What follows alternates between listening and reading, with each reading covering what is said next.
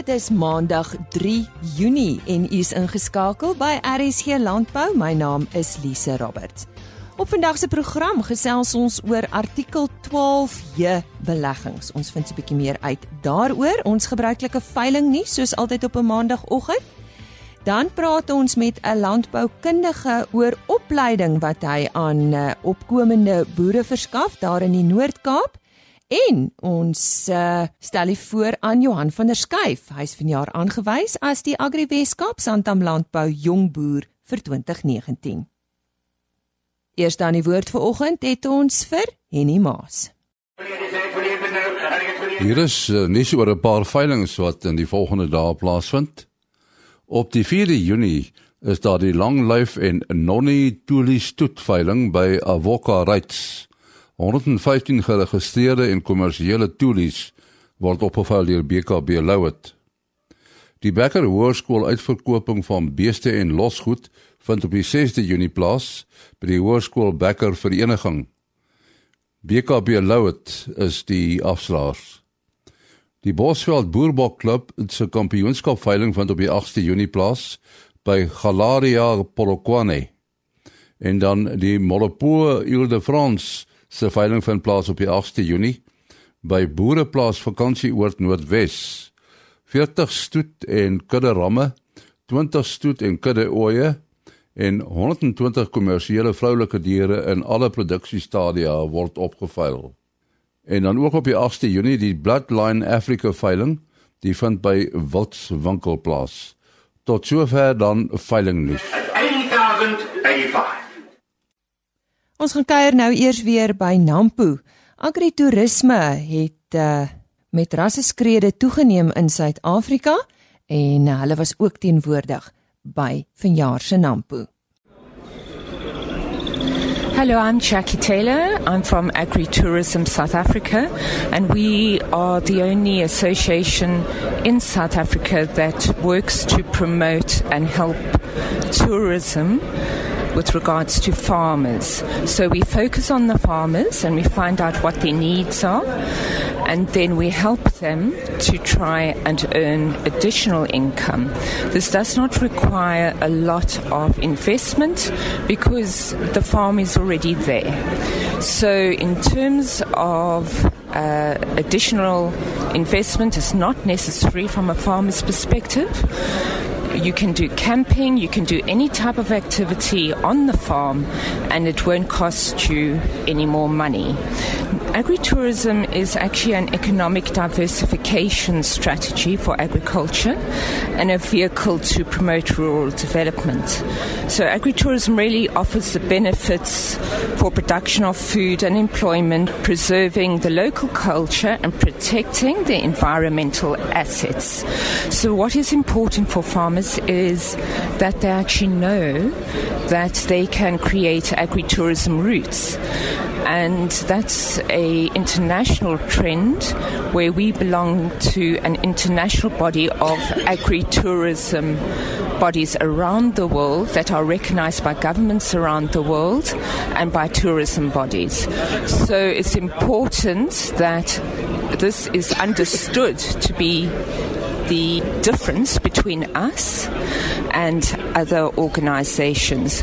We are accredited and we have the International Agritourism Bodies Forum, of which we are a member and speak regularly at conferences. You are welcome to contact us at any stage. We have a web address, agritourismsouthafrica.com. We have a YouTube channel, Agritourism South Africa, and we are on social media. But we want to really reach out to the farmers and support them as much as we can. Dit was aan Jackie Taylor van Agritourisme Suid-Afrika wat ook teenwoordig was by vanjaar se Nampo. Daar is 'n nuwe gonswoord onder beleggers, finansiële praktisyns en regsadviseurs en dit is artikel 12J beleggings. Nou sommige sal so ver gaan as om vir jou te sê dit is 'n beter belastingbeplanningsgeleentheid as 'n nuwe trekker. Ons gesels met ons gereelde gas Frans van Eden hieroor. Frans, ja, wat is nou die basiese beginsels agter hierdie beleggings? Ja, wel Lise, die basiese beginsel agter artikel 12J was dat die regering wou ekonomiese groei stimuleer in die land. So waar hulle sê ons altyd baie van ons land se groei wil hulle in die toekoms sê moet kom van klein en medium sake orga organisasies en dit beteken hulle moet hierdie industrie stimuleer en hulle sê ons altyd jy het geld nodig om geld te maak. En meeste van die ouens sê wel ons het nooit geld nie, so waar gaan ons se geld maak om dit te doen? So wat die normaalweg doen is jy gaan soek 'n belegger iewers en hulle noem dit baie keer angel investments of venture capital investments. Maar die probleem is hierdie ouens wat die geld het, die kontant het om dit te belê, is nie altyd die tipe ou wat wil belê in hierdie tipe organisasie nie. So maar jy het dalk 100 000 wat rond lê, ek het dalk 10 000 wat rond lê en die ander ou dalk 'n miljoen wat rond lê. Maar as ons ons geld saam in 'n pot gooi, dan het ons dalk genoeg om ewe skielik 'n organisasie of twee te help stig of te help groei. En dis die hele doel gewees met hierdie artikel 12 hier is om die mense die inisiatief te gee om saam te kan kom en saam te belê sodat hulle organisasies kan help groei. So hoe werk dit presies? So basies wat gebeur is wanneer jy wil belê. Kom ons sê ek het 'n 100 000 rand ek nou wil belê. Ek gaan na wat hulle noem 'n waagkapitaalmaatskappy. Nou Engels is dit venture capital company wat geregistreer is by SARS as 'n artikel 12J maatskappy, maar ook moet hy by die FSCA geregistreer wees as 'n finansiële diensverskaffer. So daai twee moet al klaar getik wees. Dan vat hulle my geld, ek kry aandele in hulle in die venture capital company, die waagkapitaalmaatskappy en hulle vat dan my geld en almal anders se geld saam met in die pot gegooi word en hulle gaan belê in verskillende industrieë en verskillende besighede om dan nou die ekonomie te help stimuleer.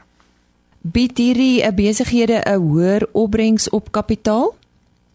Ja, so wat ons baie keer kry is as ons kyk na die JSE. JSE maatskappy is baie keer jou blue chips. Dis ook jou maatskappy wat al ver genoeg gegroei het dat hulle al kan lys, maar dis gewoonlik goed met met 'n bietjie van 'n track record, kan jy maar sê. Jy weet wie se beheer daar, jy weet die stories. As iets gebeur, dan moet hulle dit algeval afkondig op die sens. So daar's dis 'n baie gereguleerde omgewing.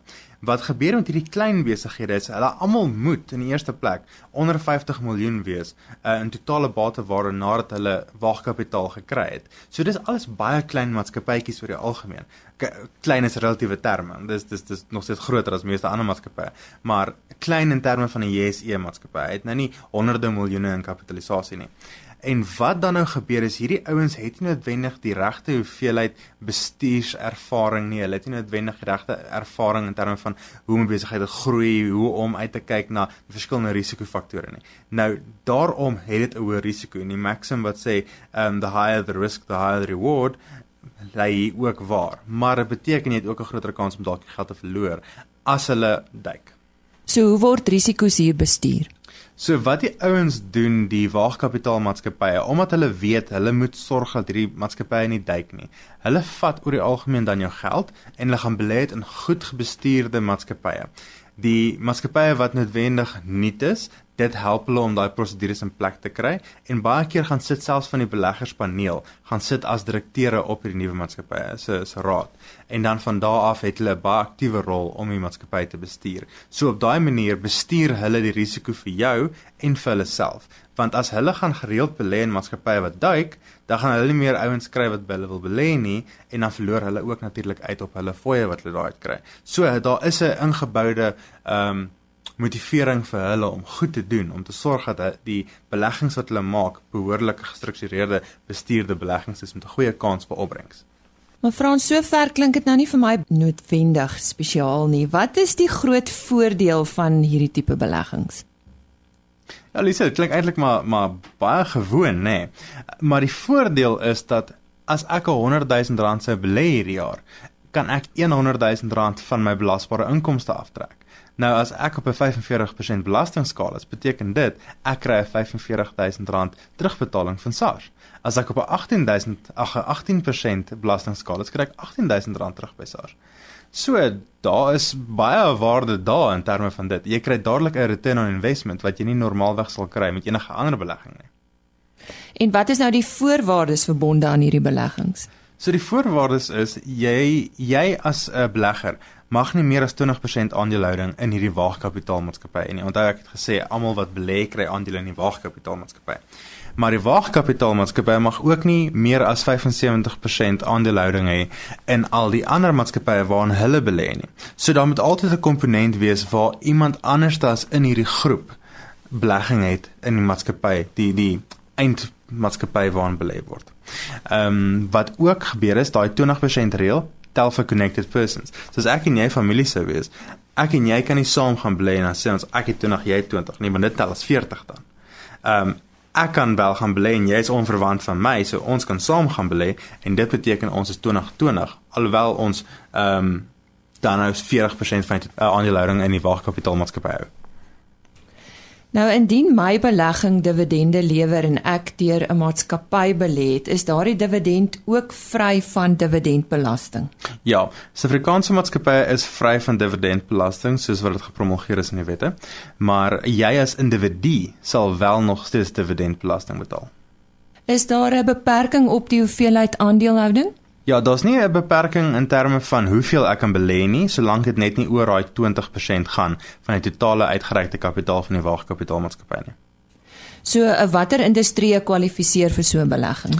So basies waarop dit neerkom is alle industrieë behalwe 'n paar in 'n handjievol kwalifiseer vir die belegging. So professionele dienste kwalifiseer byvoorbeeld glad nie. So ek as rekenmeester of ek as finansiële adviseur, my besigheid sal nie kwalifiseer vir waagkapitaal nie. Ehm um, finansiële instansies, banke, daai tipe van ding kwalifiseer ook nie en ook nie versekerings nie. So enigiets wat uh, as 'n professionele diens verklaar kan word, gaan nie kwalifiseer vir die waagkapitaal nie. Maar ander goed sal wel kwalifiseer. Die bakkery in die straat af, die ehm um, hotel wat jy dalk eendag wil opsit, dit alles kwalifiseer solank dit nie passiewe inkomste is nie. So wat is die rede hiervoor?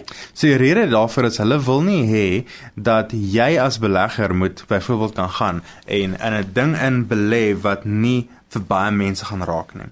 So onthou die hele doelwit is om my besigheid te groei wat baie geld kan maak, maar as ek wat 'n rekenmeester is in 'n professionele diensmaatskappy gaan belê, wat gaan gebeur? Ek gaan my wins vat aan die einde van die jaar. Ek gaan 'n deur artikel 12 jou maatskappy vat en ek gaan my eie maatskappy in terugbelê. Dit beteken ek betaal nie inkomstebelasting nie. En dis wat hulle probeer vir my. So hulle sê, jy mag nie in jou eie goed belê nie en jy mag nie in industrie, hierdie industrie belê nie, want hierdie industrie is reeds volop in die mark. Ons wil nuwe industrieë ontwikkel in Suid-Afrika.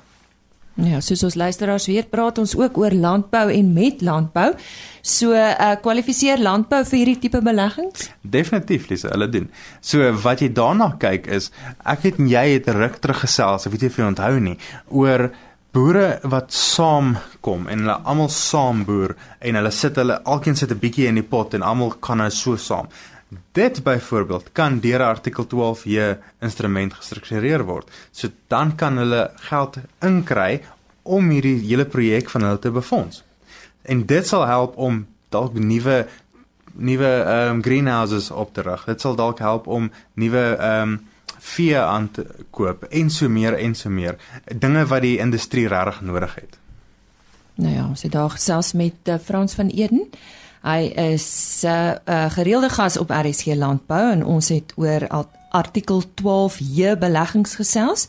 En dan ek graag met hom hieroor wil gesels. Uh, miskien moet jy net vir ons net weer jou e-posadres gee Frans. Dis Frans by prioritize met 'n s.co.za. Ons herhaal dit, dit is Frans by prioritize.co.za en soos hy gesê daai prioritize is met 'n s. Ons sluit nou aan by ons medewerker daar in die Noord-Kaap, Koos Dupisani. Louis die Jager is 'n bekende man in die landboukringe in die Noord-Kaap. Hy het 'n paar jaar gelede afgetree en besluit om sy kennis met jong opkomende boere te deel deur praktiese boerderykursusse vir hulle aan te bied. Ek moet hom gesels oor die kursusse en gaan ook in die volgende paar dae met hom gesels oor sy kennis rondom verskeie aspekte van boerdery. Louis, vertel ons eers van jouself. Waar het jy in die radwerk van landbou aangepas? Koos, ek het in 1976 op Glen begin werk as 'n landbouekonoom waar ek ook 'n lektor was in landbouekonomie. En omdat ek vreeslik nuuskierig is, het ek by al die afdelings op Glen het ek gaan inloer en vrae gevra net om my kennis te verbreek.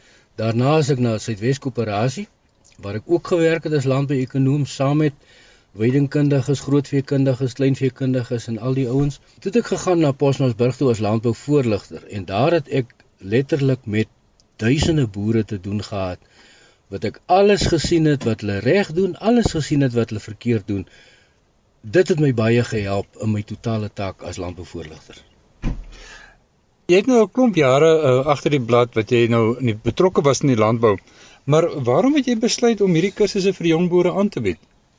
Koos, dis nie so seer net vir jong boere nie, dis vir alle boere. Dit het hier in 2003 het dit begin toe die departement gekom het met snaakse opdragte aan ons landbouvoorligters. Uh ek wil nie uitbrei daarop nie. En ek het net gesê maar dit is nie die werk van 'n landbouvoorligter nie. En toe het ek vir hulle gesê ek gaan nou opleiding gee. Want dit is die werk van 'n landbouvoorligter om boere te bemagtig sodat hulle ordentlik en suksesvol kan boer. In die kursusse wat jy aanbied, dit is nogal 'n redelike lywige kursus, maar watter aspekte raak jy aan in die in die kursus? Die hooftema gaan maar oor weidingsbestuur, want sonder veld kan niemand boer nie. En dan gaan ek oor na veebestuur, kleinvee, grootvee, bokke. Ek wys vir die mense hoe om infrastruktuur op te rig. Dis nou gewoonlik maar draadespan. Plaasbeplanning wat 'n belangrike ding is, want as jy as jou plaas nie beplan is nie, kan jy in elk geval nie veebestuur toepas of veldbestuur toepas nie. En dan praat ek oor boerderybestuur, is die totale samevatting van dit alles. En wat moet jy doen om jou boerdery regtig op 'n hoë vlak te kry. Ek praat ook oor finansiële bestuur, finansiële instellings bespreek ek met die mense. Ek praat 'n bietjie oor grondbewaring en heel laaste net so as 'n cherry op die koek, dan sê ek vir hulle, jy hoef nooit honger te ly nie. Maak jou eie groentetuin en dan wys ek hulle hoe. Die kursusse wat jy aanbied, bied jy dit landwyd aan of uh, is dit maar net hier in die Noord-Kaap wat jy uh, betrokke is? Op die oomblik is dit nog net in die Noord-Kaap, maar maar omdat ek die enigste persoon in die land is wat hierdie praktiese boerdery kursusse aanbied. Ek is oop van Kaap tot Cape to Cairo, kan jy maar sê. En as mense die kursusse wil aanbied, uh, hoe kan hulle jou kontak? Ek werk gewoonlik in groepe, dis baie makliker. Uh groepe van so tussen 25 en 30. Ek wil nie meer as 30 hê nie want dan verloor ek kontak met die mense want ek kyk elkeen in die oë terwyl ek met die kursus besig is en hulle kan my kontak by 082 211 1533. En my uh, e-posadres is kameelboom alles klein letters kameelboom.academy@gmail.com. Goed, die akademie is nou die Afrikaanse akademie. Afrikaanse akademie. Nee, goed. Uh ek dink as dit uh meer mense soos Louis die Jager nodig in Suid-Afrika wat uh die kennis wat hy oor jare bymekaar gemaak het met uh nuwe boere en uh bestaan selfs bestaande boere om dit met hulle te deel. Dis Koos de Pisani vir RSC Landbou in die Noord-Kaap. De Pisani het daar met Louis de Jager gesels en uh, ja, môreoggend praat hy weer met hom. Dan fokus hulle op goeie plaasbestuur en uh, indien u uh, graag met Louis de Jager wil gesels, kontak hom gerus by die volgende e-posadres. Dit is kameelboom.akademie@gmail.com of 'n selfoonnommer is 082 211 1533. 082 211 1533. Die 2019 Agri Weskaap Santam Landbou Jongboer van die jaar is Johan van der Schuyf. Johan, goeiemôre. Waarom boer jy? Môre Lisa en môre uh, luisteraars. Ja, Lisa, ek het ehm um, maar groot geword op 'n plaas. Ehm um, dis al wat ek ken is om om om op 'n plaas te bly, um, my hele lewe lank. Ehm um, dit was nog altyd my eerste en my enigste droom om te kan boer. En ek dink vandag se moderne boere ehm um, het die voordeel om deel te wees van van alle aspekte van 'n besigheid. Uh wat ek hiermee bedoel is jy kan in 'n kantoor werk. Ehm um, jy's deel van die administratiewe en finansiële afdeling. En dan het jy ook die voorreg om om natuurlik in die veld buitekant in die natuur te kan wees.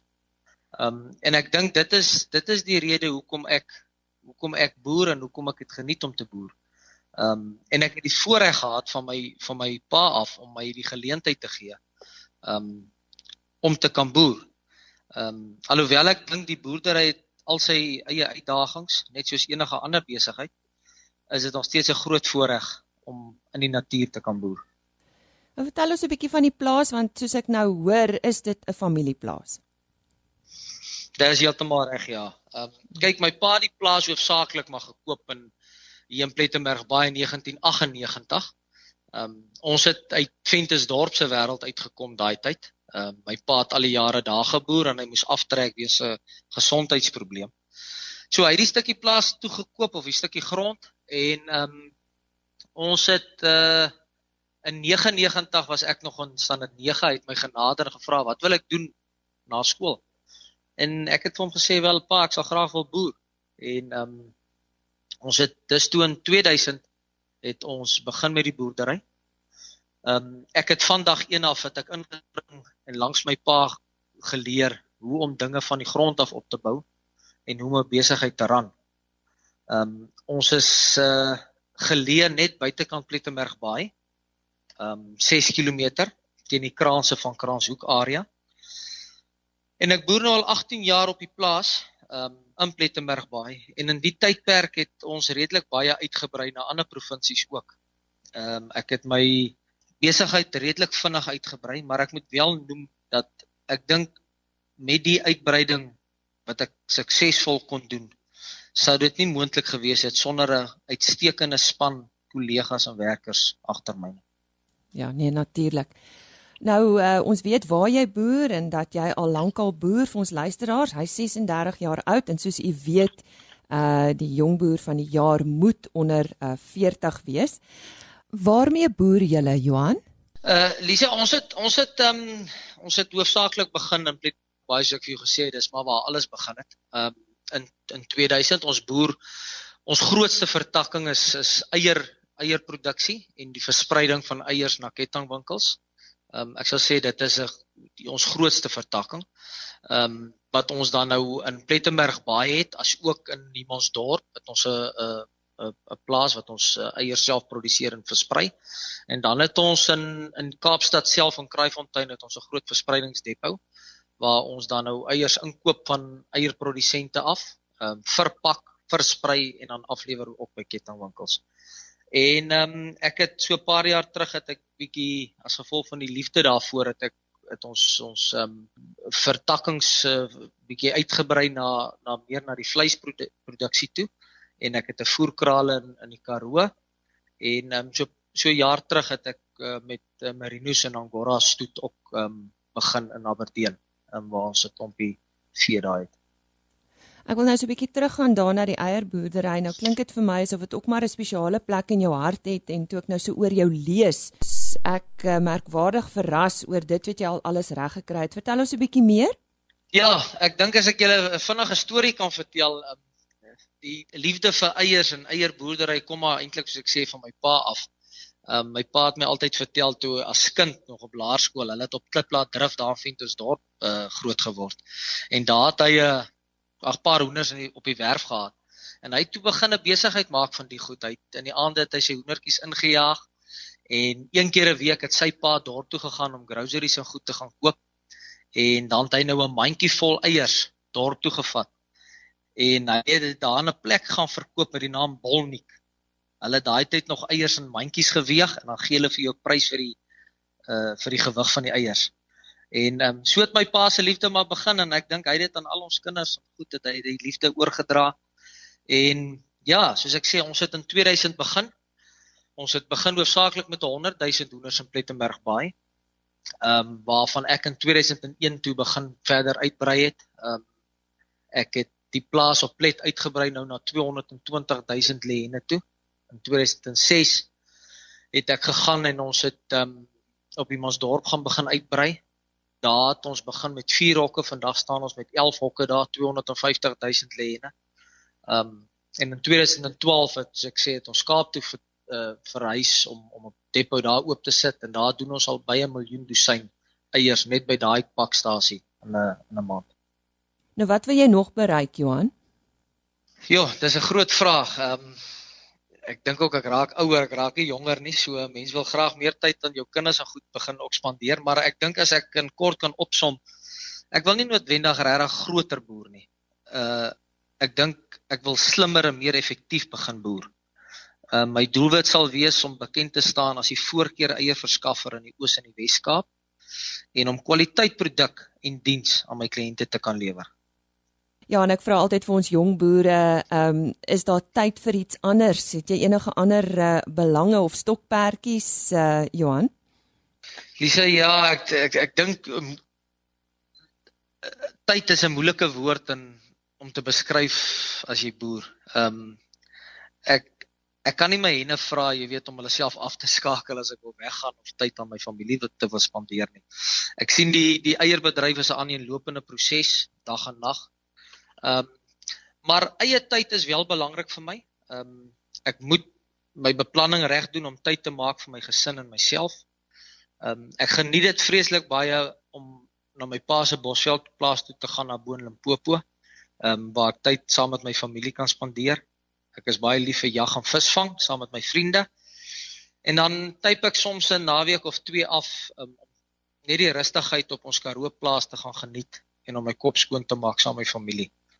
En ehm um, dis maar min of meer wat ek doen wanneer ek nie boer nie. Daar het u dan gehoor van die 36-jarige Johan van der Schuyf. Hy's vanjaar aangewys as die Agri Weskaap Santam Landbou Jongboer van die jaar en hy sal ook eh, dan meeding in die nasionale Toyota Agri SA nasionale jongboer van die jaar en uh, gewoonlik hier in Oktober die nasionale jongboer van die jaar aangewys. En dit was dan RC Landbou vir u so op 'n maandagooggend. Maak gerus môreoggend weer so, kuier gerus saam met ons. Dan gesels ons natuurlik weer met Louis de Jager, die landboukundige en hy gee baie waardevolle raad oor goeie plaasbestuur. En ons gesels ook met die MPO oor Wêreld Melkdag wat verlede week gevier is. Tot môre dan. Totsiens. RSG Landbou is 'n produksie van Plaas Media.